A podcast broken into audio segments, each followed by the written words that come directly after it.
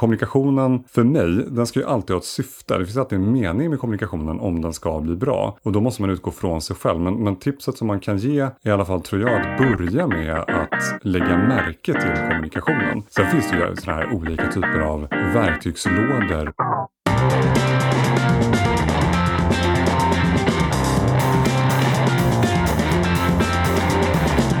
Hej, jag är Ludvig Sundström som tillsammans med Mikael Syding gör podden 25 minuter där vi pratar om framgång, hälsa och filosofi. 25 minuter görs i samarbete med The Trade Venue och klipps av Johan Olsson. Du hittar oss på iTunes, Soundcloud och andra plattformar. I det här avsnittet av 2 gånger 25 minuter pratar vi med Robin Askelöv. Han har suttit i ledningen för en av Nordens största kommunikationsbyråer och varit kommunikationschef på börsbolag. Han har arbetat med PR på samma byrå som Göran Persson och har kommit på varumärkesstrategier för ett antal kända varumärken. Så han har mycket att säga till om framgångsrik kommunikation. Idag är han marknadschef på Hypergene, ett techbolag som har lyckats med något som är rätt ovanligt.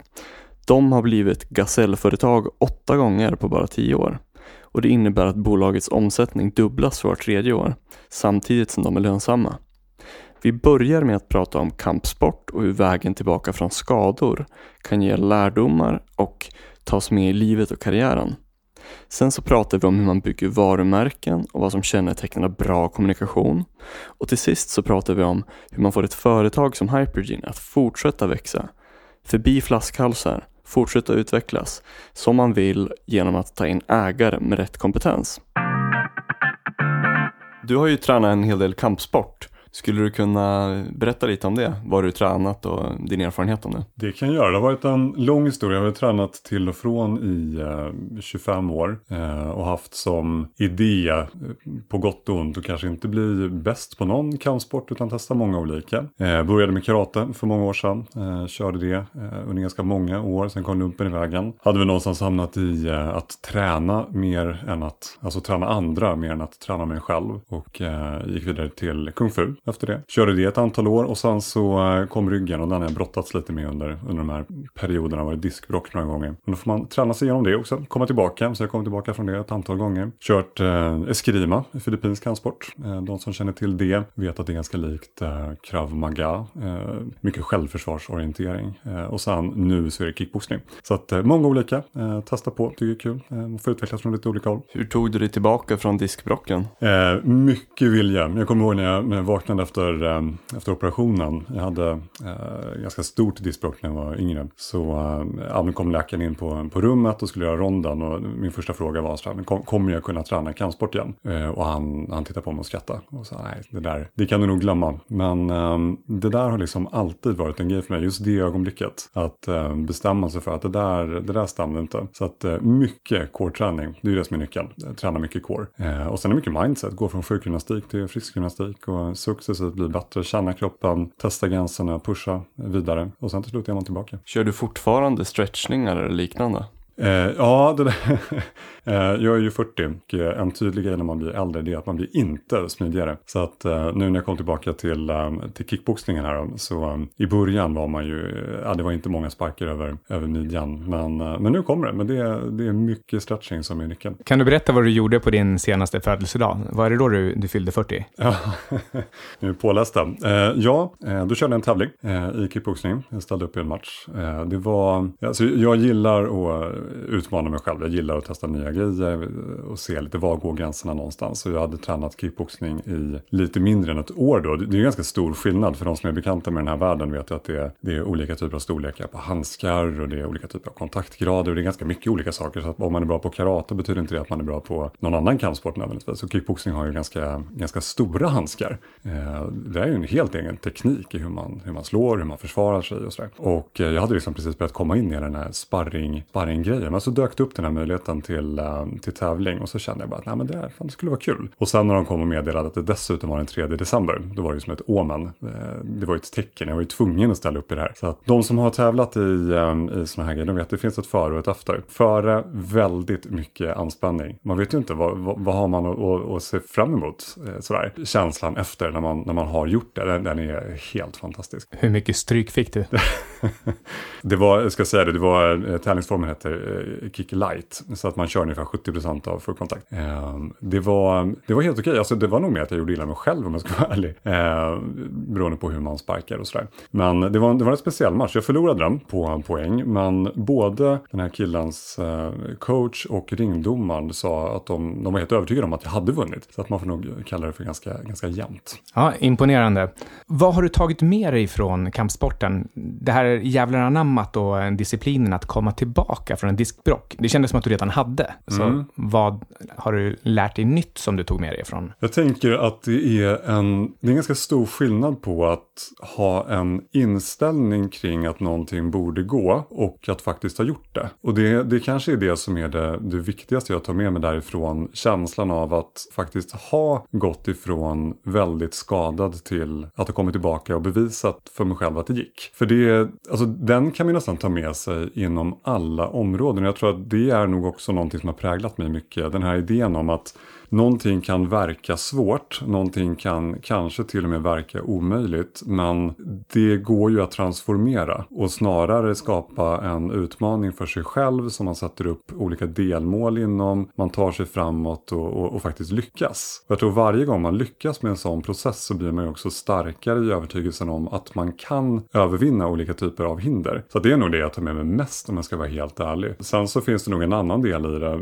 Folk kan ibland bli lite förvånade när när, eh, när jag pratar om att jag tränar kampsport. För jag får höra att jag, eh, jag är så lugn. Sådär. Hur, hur kan du träna kampsport? Det passar liksom inte med, med idén om, vem- eller uppfattningen om vem jag är. Men kanske har med, något med det att göra. Eh, jag kanske behöver det. Och jag tror att någonstans så, så är det en pusselbit i mitt liv som jag behöver för att, för att vara, vara stabil i tillvaron. Du pluggade ju på Uppsala, eller i Uppsala universitet, eller hur? Mm. Eh, Visst var du civilekonom också? Mm, precis, ekonomprogrammet. Ja. Eh, hur tycker du att, eh, först hur var det att plugga där? Och sen hur mycket av din utbildning som du då lärde dig har du haft med dig eller har fortfarande nytta? Uppsala betydde kanske på ett sätt oproportionellt mycket för mig på många sätt. Alltså, först kan man bara konstatera det här vanliga svaret. Här, har man inte pluggat i, i någon studentstad så är det något man borde prova för det är skitkul. Alltså, så, så är det ju. Det, det är ju Ja, det jag enkla svaret. Lund. Ja, men då vet du lite vad det, vad det är.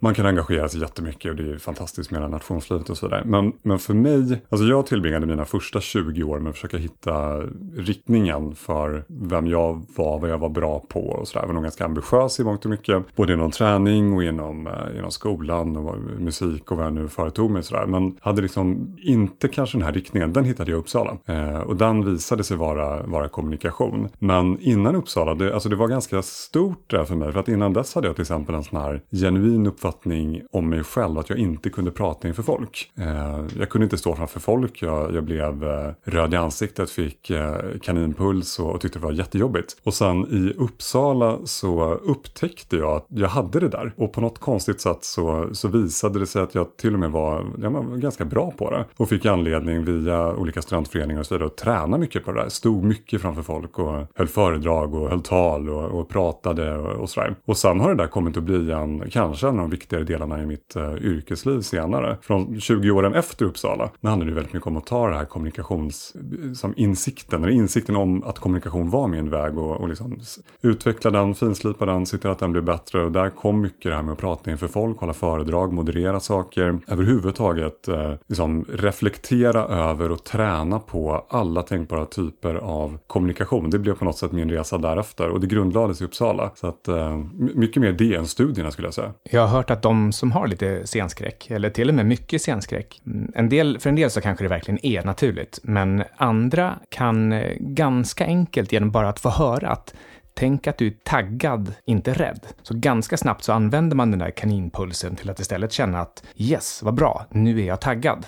Så, så det kan vara en grej som man faktiskt kan testa själv om man, om man tror att man inte ska tala inför folk. Så, eh, men som sagt, det funkar ju definitivt inte inför, inför alla. Vilken inriktning pluggade du sen? Marknadsföring. Så det var marknadsföring, socialpsykologi, eh, mediekommunikation. eh, Förstod du det på en gång när du hade börjat i Uppsala, att det var det du skulle? Nej, nej jag var, jag var som, som sagt jag var ganska förvirrad när jag kom till Uppsala. Jag hade någon sån här superkonstig idé om att jag skulle plugga nationalekonomi. Och, jag har alltså någon form av fobi mot siffror. Eh, men, men ändå så hade jag den här väldigt märkliga idén. Men, men eh, successivt så landade, landade den insikten. Så ja, men ett, ett eller två år in kanske så, så började det där sätta sig. Det är lustigt det här som du nämner med ja, hur kommunikation blev en stor del av ditt liv. Det är lite samma för mig med att eh, jag fick inte så mycket från skolan men jag fick mycket utifrån de kårgrejerna man gjorde och sådär och nationsgrejerna. Det, och pröva på olika saker. Och eh, till exempel så var jag med och anordnade de här arbetsmarknadsdagarna i Lund. Och eh, det är inte så olika från den här podcasten. Visst att det gick några år däremellan så det är ju en viss förenkling. Men det är ändå kul att så här, ja där upptäckte jag det och nu är jag här. Ja, men jag, jag tror alltså man behöver upptäcka vissa delar av sig själv när man är, är lite yngre. Man behöver upptäcka att man kanske har en fallenhet för någonting eller ett större intresse för någonting. Sen, sen finns det ju sig olika teorier eh, kring det där om man, om man verkligen har fallenhet för saker eller talanger för någonting eller vad det nu kan vara. Men i, i mitt fall, om jag bara går till mig själv, så var det verkligen att upptäcka någonting som jag inte trodde. Eh, någonting som jag så här i efterhand kan upptäcka var liksom latent, eh, som man sen kunde utveckla vidare. Men, eh, men absolut, det, jag tror mycket på det där. Man behöver upptäcka saker och sen behöver man ta fasta på det och sen jobba vidare med det. Om man sen går vidare så här, hur har du utvecklat vidare det här med kommunikation?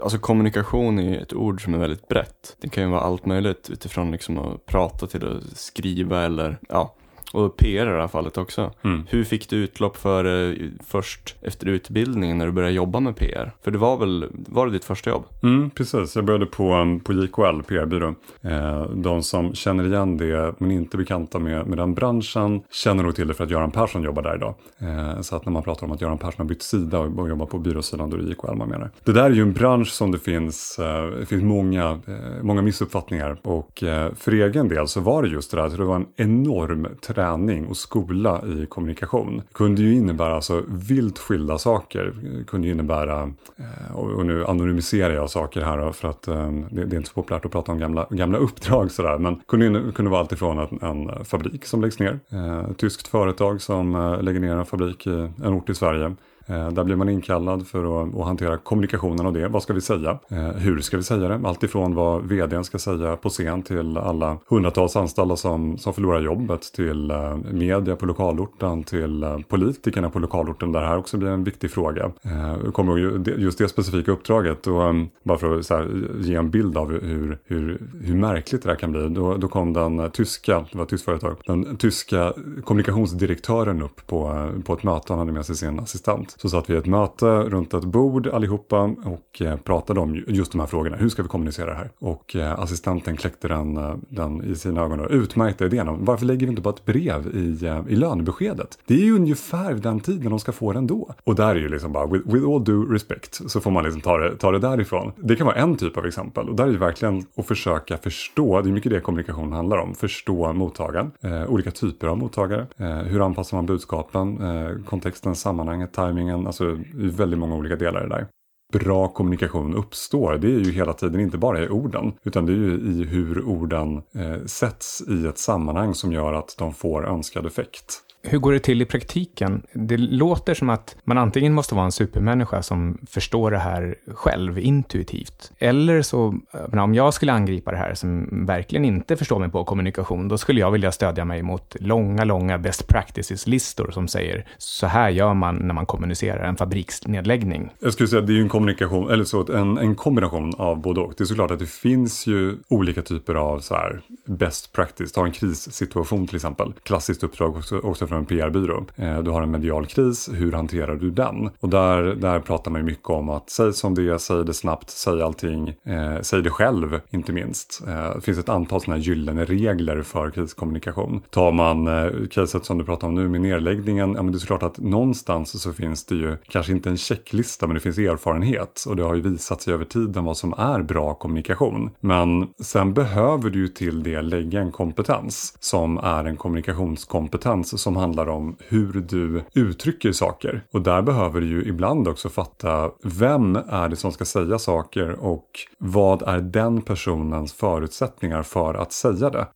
Tar du mycket anteckningar eller låter det bara det, det införlivas i din person? Jag har nog en ganska, alltså jag tänkte säga ineffektiv metod på ett sätt därför att den inte är, den är inte riktigt möjlig att återskapa just därför att jag inte gör så mycket anteckningar. Utan för mig är det mer att jag ser det lite som att jag har ett par glasögon som jag ser världen genom. Och de glasögonen de slipas ju och förfinas genom åren sådär. Och då blir det för mig att ju, ju fler intryck jag själv utsätter utsätter mig själv för, eh, ju fler gånger jag läser om samma sak men från olika perspektiv, ju fler gånger jag, jag kanske tränar på att uttrycka någonting, ju fler gånger jag avläser en reaktion hos, eh, hos någon jag möter eller vad det kan vara, så blir det så som du uttrycker kanske mer införlivas, att det blir en kompetens som, en kompetens som, som ligger i mig. Eh, sen kanske man borde skriva ner det där, det är en reflektion som man kan göra. Har du, kan du säga någon bok som verkligen har varit formativ för det här?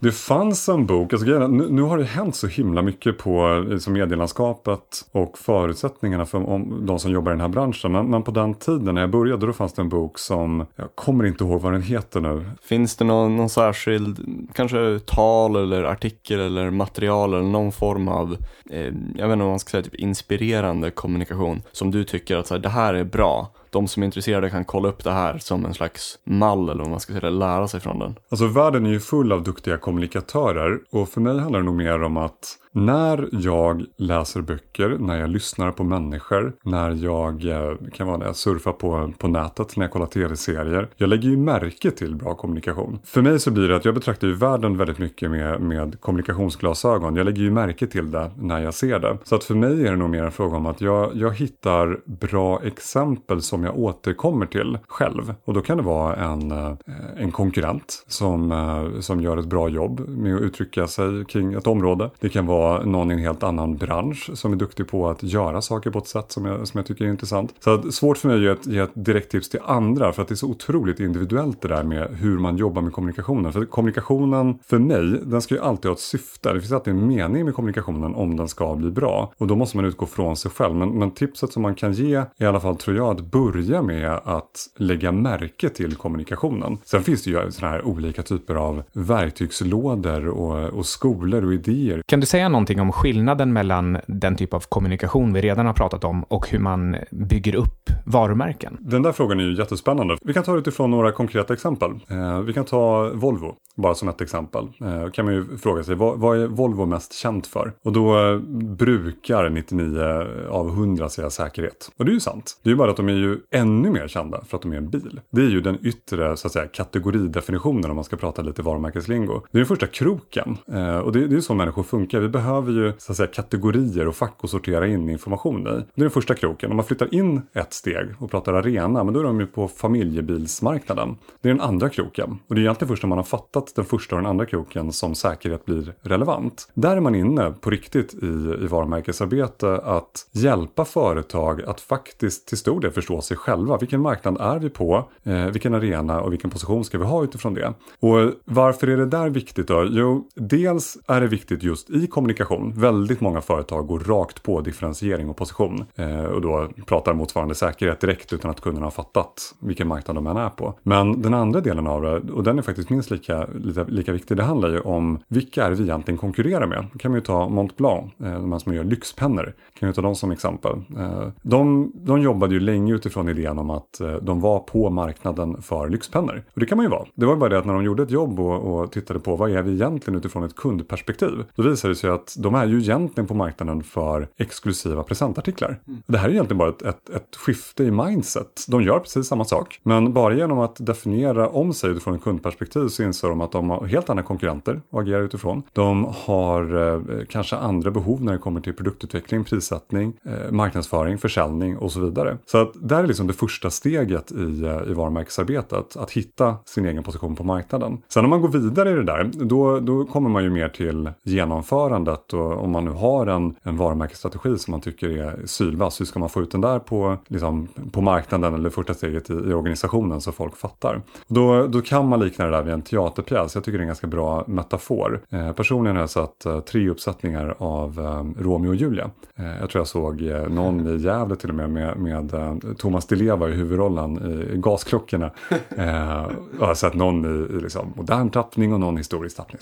Men det intressanta tycker jag, det är ju att Shakespeare, han skrev ju bara ett manus. Han har ju bara skrivit Romeo och Julia en gång. Men ändå så, så finns det ju en uppsjö av uppsättningar. Och det är väldigt, väldigt likt hur varumärkesarbete funkar. Man har har en varumärkesplattform. Man har skrivit en plattform. Men den i sig, den är ju helt ointressant. Om du inte lyckas få chefer, medarbetare och så vidare att fatta. Då kommer man in på regidelen, eh, metaforiskt. Då. Precis som med, med Romeo och Julia, att regissören har en enorm makt över hur man tar ut det här manuset. Och precis på samma sätt funkar det. Det gäller egentligen alla typer av planer i en organisation, vare sig det är en, en marknadsplan eller en varumärkesplattform eller vad det nu kan vara för någonting. Så det är väl liksom den andra delen, att fatta att det finns ett arbete där, ett förändringsarbete där cheferna har ett regiansvar och medarbetarna har ju också ett ansvar utifrån någon form av personligt ledarskap. Att, att liksom förstå sin roll i, i det här arbetet. Sen finns det massor med saker man kan, man kan liksom beskriva runt det här. Alltså hur gör man en sån här plattform intressant? Då kan man prata om hjärta, hjärna, gympadojor som någon form av, av lite sån här eh, checklista. Alltså du måste, du måste tala till hjärtat emotionellt. Du måste gilla det här, den här plattformen. Eh, du måste förstå den, hjärnan. Eh, fatta varför är det här relevant överhuvudtaget? Varför ska jag göra någonting av det här? Och gympadojor, att det ska gå att agera på den. För det är också en sån här sak som är ganska vanlig, att man skriver plattformar som, som lätt hamnar på lite så här molnfri höjd. Men medarbetare måste ju kunna göra någonting med det, för annars kommer det verkligen inte hända någonting. Du vet att det inte stavas likadant, va? Hjärta, hjärna och gympadojor, även om det låter som J. Ja, det är ju lite en överraskning. du, jag tänkte, eh, du nämnde lite fort det här med positionering och eh, differentiering och sådär, mm. att man hoppar direkt in på det. Mm. Ett annat vanligt misstag, det är väl att man själv kanske, man vill gärna se sig som någonting särskilt, så här, det här är vår position. Mm. Men sen upplever inte kunderna det på samma sätt. Mm. Det, alltså det ligger en slags ett gap mellan verklighet och uppfattad verklighet från mm. kundernas perspektiv. Kan du prata lite mer om det kanske? Ja, det där skulle jag säga är ett av de vanligaste problemen som väldigt många företag gör. Alltså att man, man utgår från sig själv och inte från kunderna. Just när det kommer till sådana här kategoridefinitioner. Vi är ett hmm, bolag. Mm. Så kan man fylla det med, med olika saker. Men det man behöver göra där, jag tycker är ett ganska enkelt test, det är att se vad, vad media skriver. Eh, för då vet man att det kommer funka. Däremot så är det dömt att misslyckas misslyckas varje gång någon, det ser man ibland, framförallt i, liksom på hemsidor och pressmeddelanden, så fort någon försöker skapa en egen kategoridefinition, då vet man att det här kommer inte funka. Eh, för media, kan de plocka upp det, då vet man att det är tillräckligt enkelt och etablerat. Har du några tankar om det här fenomenet med eh, influencers? Oj, det där skulle man kunna prata mycket om. Eh, jag tror så här, att jag tror att vi är inne i en spännande fas som kommer pågå i några år, som handlar om allt ifrån podcasts, som vi sitter i nu, till bloggar, till Eh, influencers till alltså alla typer av verktyg som kommer via alla nya möjligheter som dyker upp. Där vi just nu, eller där många just nu har svårt att navigera. Man ska ju komma ihåg att på väldigt många företag sitter det ju marknadschefer som kanske inte alltid är helt med. Och som tar beslut som ju därmed handlar väldigt mycket om vad som sägs vara rätt och vad som sägs vara bra snarare än faktisk data. Sen finns det ju de som är skitduktiga på det här men man kan ju konstatera att vissa saker funkar för, för en del och inte för andra. H&M till exempel, utan att ha något konkret exempel där, men, men, men jag bara tänker att det är såklart att de kan jobba med influencers på ett extremt framgångsrikt sätt. Därför att på influencers kan kläder funka superbra. Medan tar man ett företag inom, inom business to business där jag själv jobbar så, så kan det ju såklart vara svårare. Eh, och dessutom så, så tror jag att just nu så är det också väldigt svårt att hitta de mätbara värdena inom eh, influencer marketing. Det finns, men, men helt beroende på vilken bransch man är i. Jo, du nämnde det här med att om, om media kan snappa upp det, då är det enkelt nog. Liksom. Mm. Då är det antagligen en enkel kategori, att, eller en passande kategori. Liksom. Mm. Hur ser du på den situationen med just IT-bolag? För finns det mycket riktig differentiering där? Eller är det mycket liksom att alla försöker komma på sina egna häftiga namn liksom, och så funkar det inte. Jag tycker det finns en spännande utveckling inom IT-branschen som i grunden kommer från techbolagsidén. Det känner ni säkert igen om man tittar på alla, alla startups där vi, eh, där vi har allt ifrån medtech, fintech, i min bransch finns det martech, alltså marketing technology eh, och så vidare. Det har ju nästan blivit en, en parodi ibland på att det finns alla varianter på techbolag. Men det man ser, och det är rätt intressant och det är någonting som som, vi på, på Hypedin då, där jag jobbar, också tittar på, det är ju att det finns en övergripande kategoridefinition som är techbolag. Som jag tycker är rätt spännande, som ersätter successivt IT-bolag. Eh, som, som man pratade mycket om tidigare, eller mjukvarubolag för den delen. Eh, lite på samma tema som att digitalisering som begrepp har ju kommit att ersätta också väldigt mycket av det som tidigare betecknades som eh, alltifrån e-tjänster till eh, olika typer av it-tjänster i stort. Alltså just nu har ju digitalisering blivit nästan allting som, som går att göra med hjälp av, av IT. Så att eh, när det kommer till just it-bolaget, eh, du har helt rätt i att tidigare har det funnits stor förvirring i vad man ska kalla saker. Men jag, jag tycker mig ändå se att det börjar komma en mognad i det där. Fler börjar hitta sitt sätt att prata om sig själva. Alltså när vi pratar IT-bolag och kategorier, alltså de här kategoridefinitionerna, så tror jag att det, å ena sidan så har det blivit lättare därför att vi ser så många olika exempel på bolag som hittar mer alltså konsumentlika sätt att beskriva sig. Alltså det är också en sån här sak. Vi ser att business to business och business to consumer i hur man jobbar med marknadsföring och, och kommunikation och PR börjar likna varandra. Där tror jag B2B har börjat gå lite mer åt konsumentsidan. Så där tror jag att å ena sidan blir det lättare därför att man, man har börjat använda lite andra typer av, av verktyg och arbetssätt. Å andra sidan så är det också svårare därför att det finns allt färre mediala aktörer som kan vara med och, och hjälpa till. För det ser man ju, den där IT-branschen har ju bara färre och färre medier som beskriver den branschen. Det gör det ju jättesvårt att jobba till exempel med PR eh, och för den delen också att, att faktiskt få eh, idéer från media om hur man kan beskriva saker och vad man kan kalla saker. Nu tycker jag att vi går över till att snacka lite dels om karriär och sådär och också specifikt om Hypergene, mm. företaget som du är marknadschef på. Hur skulle du beskriva Hypergene? Eh, Hypergene är ett techbolag, apropå tidigare kategoridefinitioner. Men Hypergene är ett techbolag på marknaden för beslutsstöd. Redan där, jag kan ju säga det, jag hade ju kunnat köra någon sån här snabb eh, elevator pitch här, men jag gör inte en snabb utvikning. Det är ju spännande tycker jag, när man ska beskriva bolag i min typ av bransch, för det är ganska svåra grejer. Ja. Jag, jag brottas med de här sakerna hela tiden. Det man måste komma ihåg det är ju att vår kommunikation vänder sig ju dels till kunder, de är ju ganska insatta, de fattar ju liksom vad, vad det handlar om. Men, men sen har man ju också medarbetarmarknaden. Eh, de fattar inte alltid vad det, fattar om, eller vad det handlar om. Kanske framförallt om de kommer direkt från, eh, från högskolan. Sådär. Men i alla fall, slut på den utvikningen. Vi är ett techbolag. Eh, vi har en egen webbaserad produkt för planering, uppföljning, analys. Så om jag är vd på ett mellanstort eller större företag, då betalar jag för det här och så får jag en prenumeration eller en möjlighet att gå in på den här webbsidan och mäta hur mitt företag går och vad jag borde göra åt det.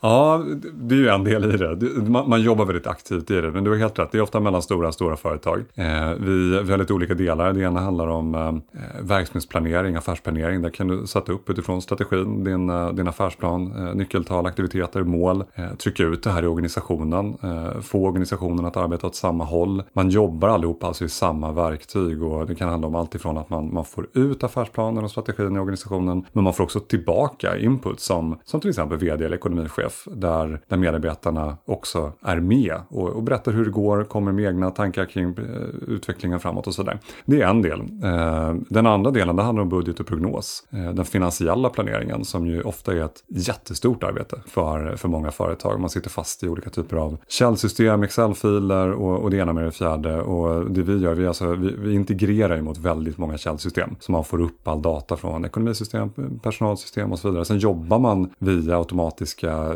flöden i det här verktyget och man kan skriva tillbaka i verktyget och så vidare. Det skapar otroligt mycket effektivitet i organisationerna. Och sen den tredje delen, det, det är det man på engelska brukar kalla business intelligence, alltså ren analys. Kunna vrida och vända på siffror, se till att rätt person har rätt information vid rätt tid för att kunna fatta rätt beslut. Vad är den, vet du så här, vad den minsta kunden är? Ungefär storleken av företag som köper det här? Ja, alltså jag kan ju säga väldigt tydligt vad, vad vi själva drar gränsen i vårt marknadsarbete. Den, där brukar vi säga någonstans 200 anställda anställda. Eh, sen har vi en del företag, men ta vissa kunder, Expressen till exempel, de är kunder, de är inte jättemånga anställda, men de använder det här för, för budget till exempel. Sen har vi ju gigantiska kunder, vi har ju eh, eh Stockholms läns landsting till exempel, eller Göteborgs kommun som sitter med, med eller Göteborgs stad heter det, som sitter med 4000 användare. Vi har Keolis, eh, de här som driver eh, lokaltrafiken i bland annat Stockholm. Jag tror att de, de ligger ju liksom med miljarder transaktioner per år i, eh, i vårt system. Så att det är verkligen från det lilla till det stora.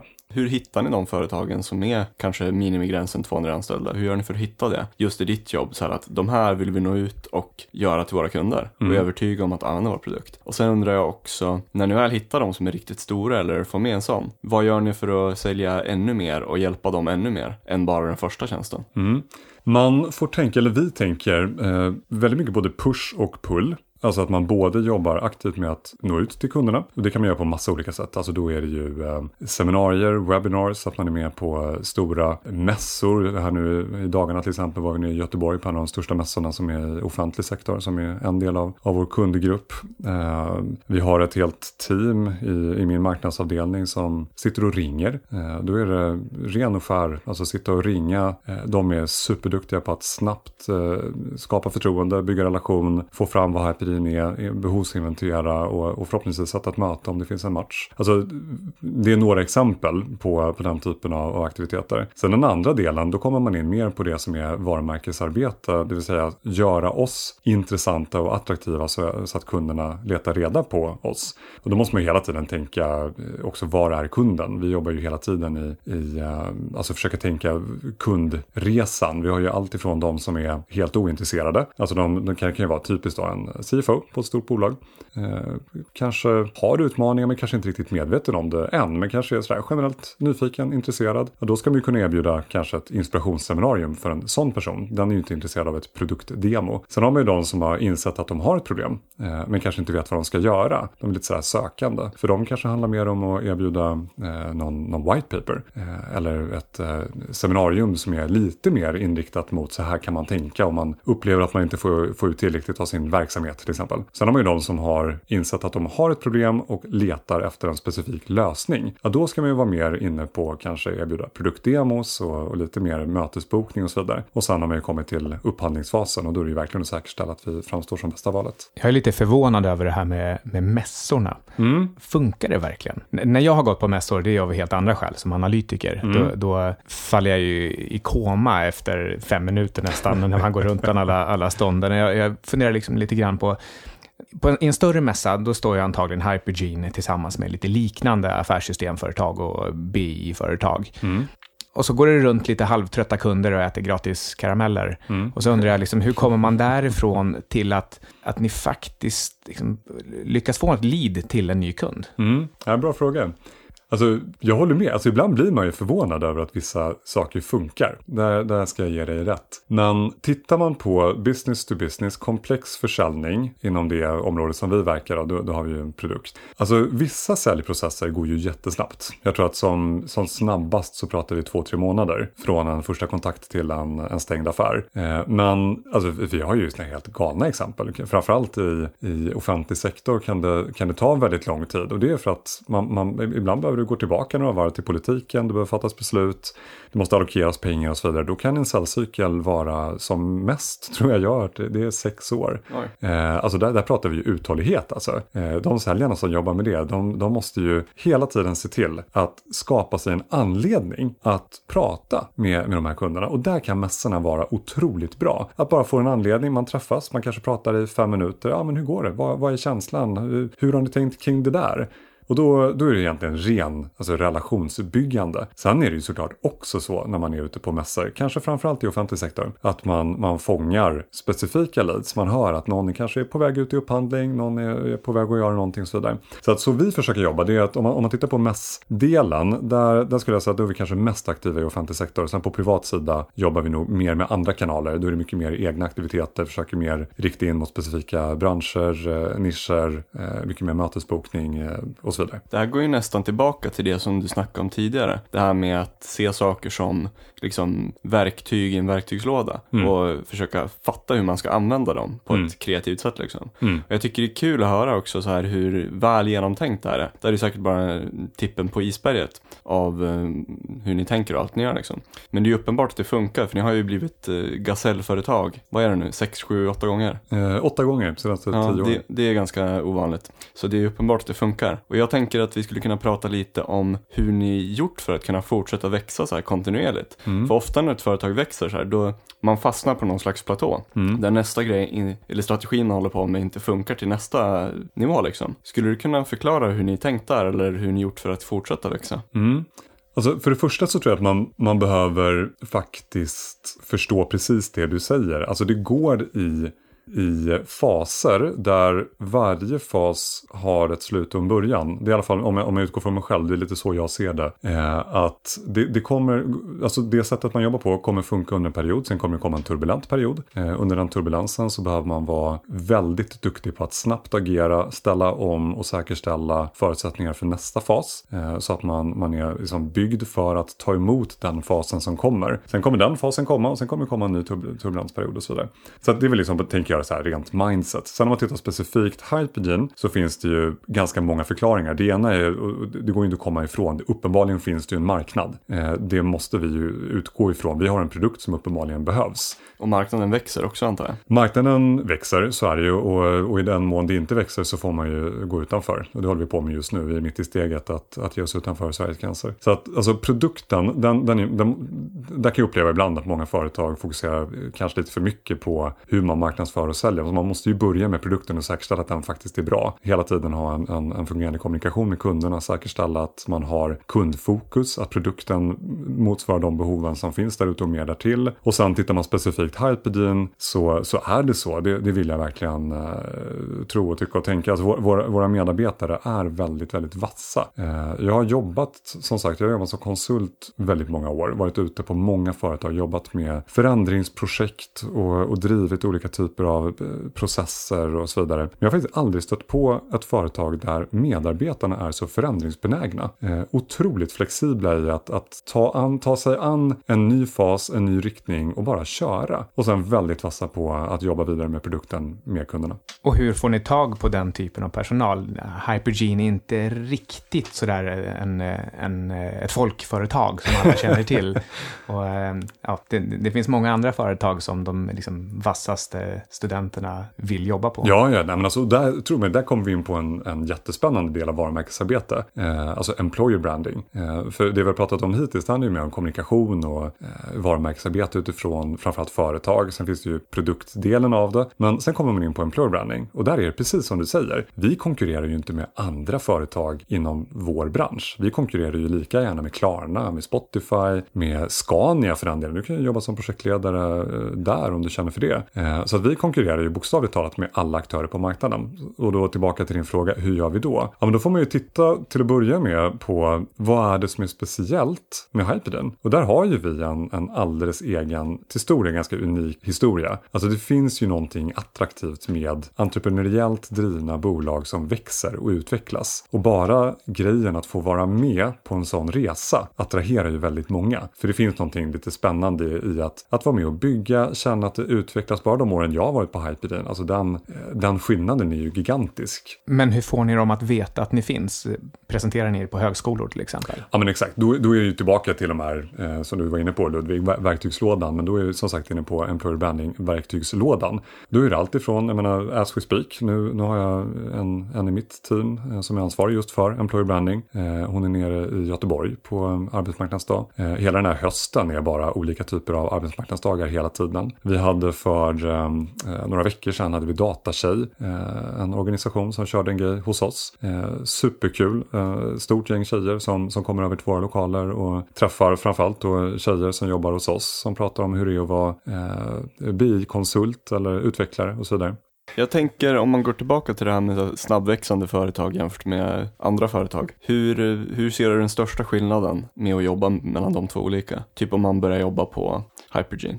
Om jag utgår från mig själv så är ju, ibland pratar man om så här om man, om man är en utvecklare eller en förvaltare. Jag, jag är nog ehm, eh, urtypen av en, en utvecklare. Jag, jag, blir ganska lätt rastlös om jag sitter och, och, och liksom jobbar med samma sak för länge. Så att jag kommer ju till min rätt. Alltså om jag börjar hos mig själv. Jag kommer ju till min rätt väldigt mycket i ett tillväxtbolag. Därför att vi måste hela tiden utvecklas. Framförallt om man tar marknadsarbetet. Mitt jobb är ju att tillsammans med mitt gäng agera plog. Vi ska ju vara de som ligger först och plogar marknaden och se till att skapa möjligheter för säljavdelningen att kunna driva säljet. Och för att kunna göra det när vi växer så mycket som vi gör, gör ju att jag måste ju hela tiden utveckla marknadsarbetet så att vi blir bättre, vassare, kan ta oss an eh, större marknader och, och, skapa fler möjligheter hela tiden. Så för mig passar det väldigt bra. Sen om man tar det från medarbetarperspektivet i stort så tror jag att för den enskilde som kommer in så är det ju en jätteskillnad jämfört med om du kommer in i ett storbolag där alla rutiner och processer är, är definierade. Det märker vi väldigt mycket. Vi mäter ju mycket i såna här medarbetarundersökningar och så vidare. Eh, och eh, liksom, å ena sidan så är ju folk fantastiskt eh,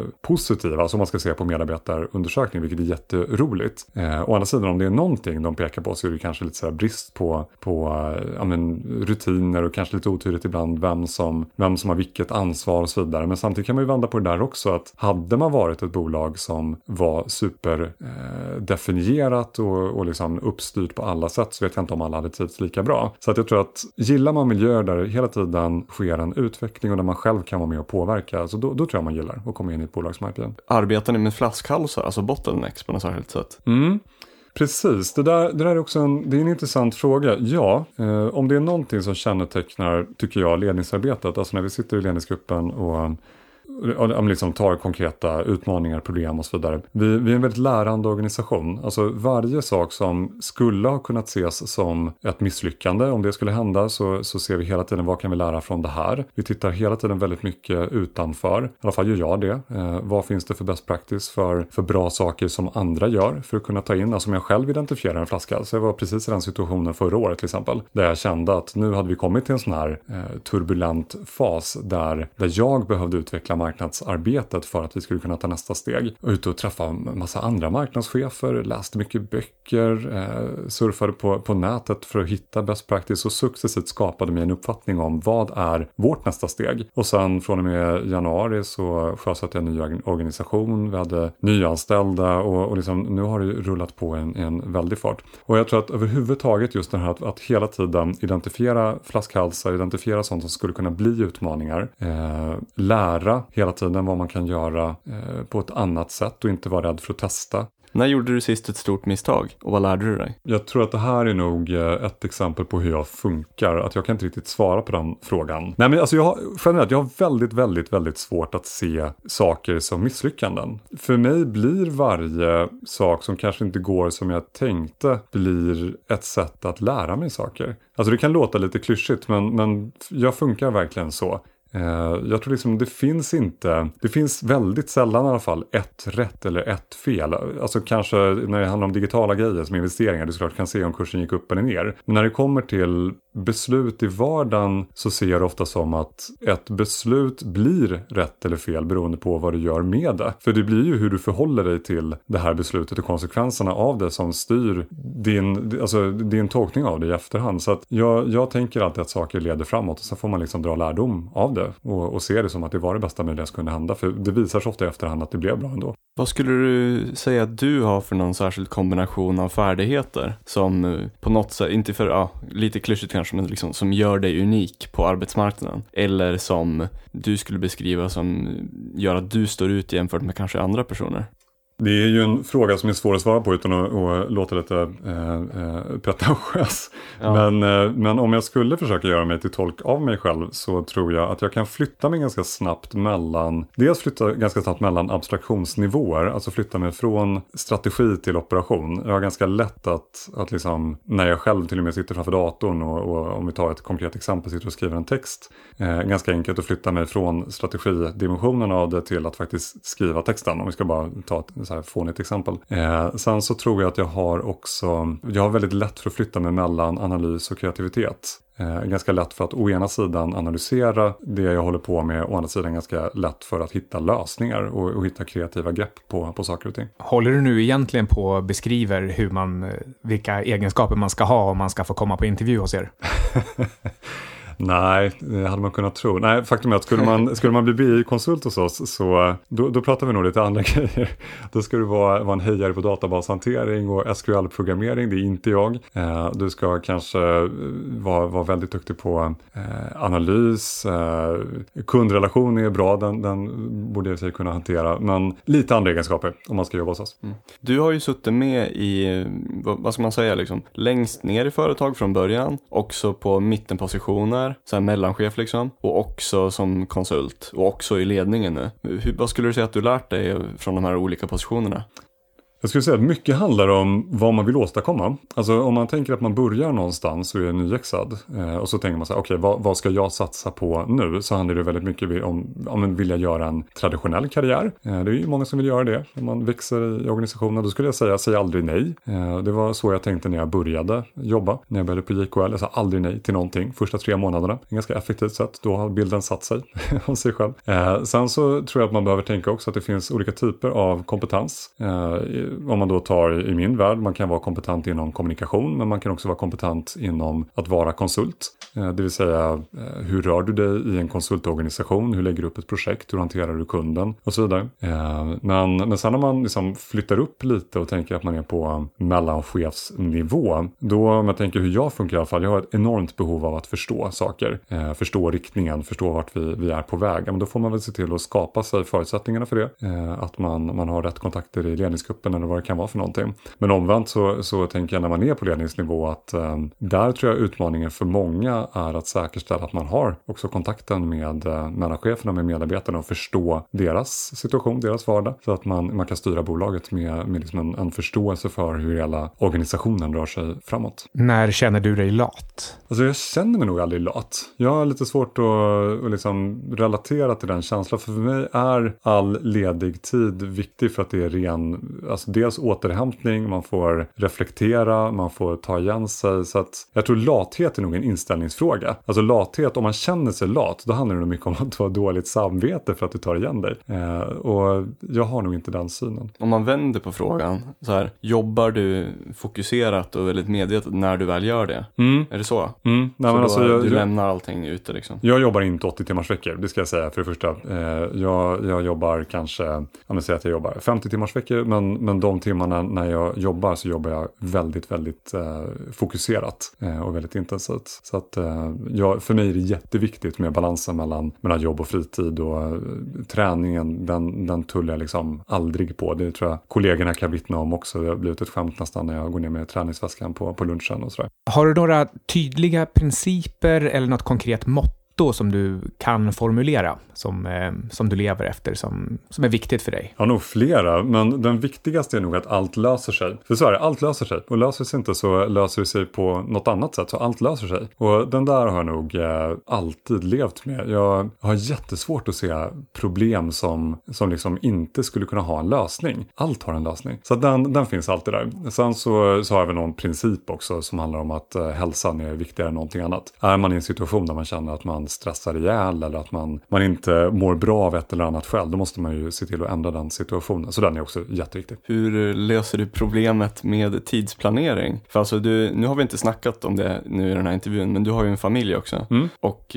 ja, du håller på med mycket och företaget också. Det, du är en rätt upptagen person liksom. Så hur lägger du upp veckorna? Jag har ju dels hjälp av att jag i mitt jobb har en marknadsplan. Så att den, den definierar ju ganska mycket av som, vad jag ska hinna med kanske under ett kvartal. Så att det blir på någon sån här övergripande nivå om man tar jobbet. Sen, eh, sen brukar det vara så också att jag, jag brukar tänka ganska mycket inför en vecka. Vad ska jag hinna med den här veckan? Eh, och göra någon form av liksom mental checklista på det. Eh, där jag sätter mig kanske på söndagen och bara snabbt bläddrar igenom kalendern. Se vad har jag för ledig tid? Hur ska jag fylla den lediga tiden på bästa sätt? Och sen så eh, varje dag egentligen när jag går till jobbet så sätter jag upp mål med, eh, med vad jag ska göra av den dagen. Eh, sen har jag en enorm fördel, det kanske är en av mina största styrkor. Jag är tidsnegativist. Eh, jag tror alltid att saker tar mycket längre tid än vad det tar. Och det där har varit en av mina största fördelar genom livet. För det, det gör att jag, jag, upplever alltid att jag får liksom mer tid över på något sätt som jag kan ägna åt ytterligare saker. Så att, den är jag glad för. Ser du några särskilt intressanta teknologiska trender?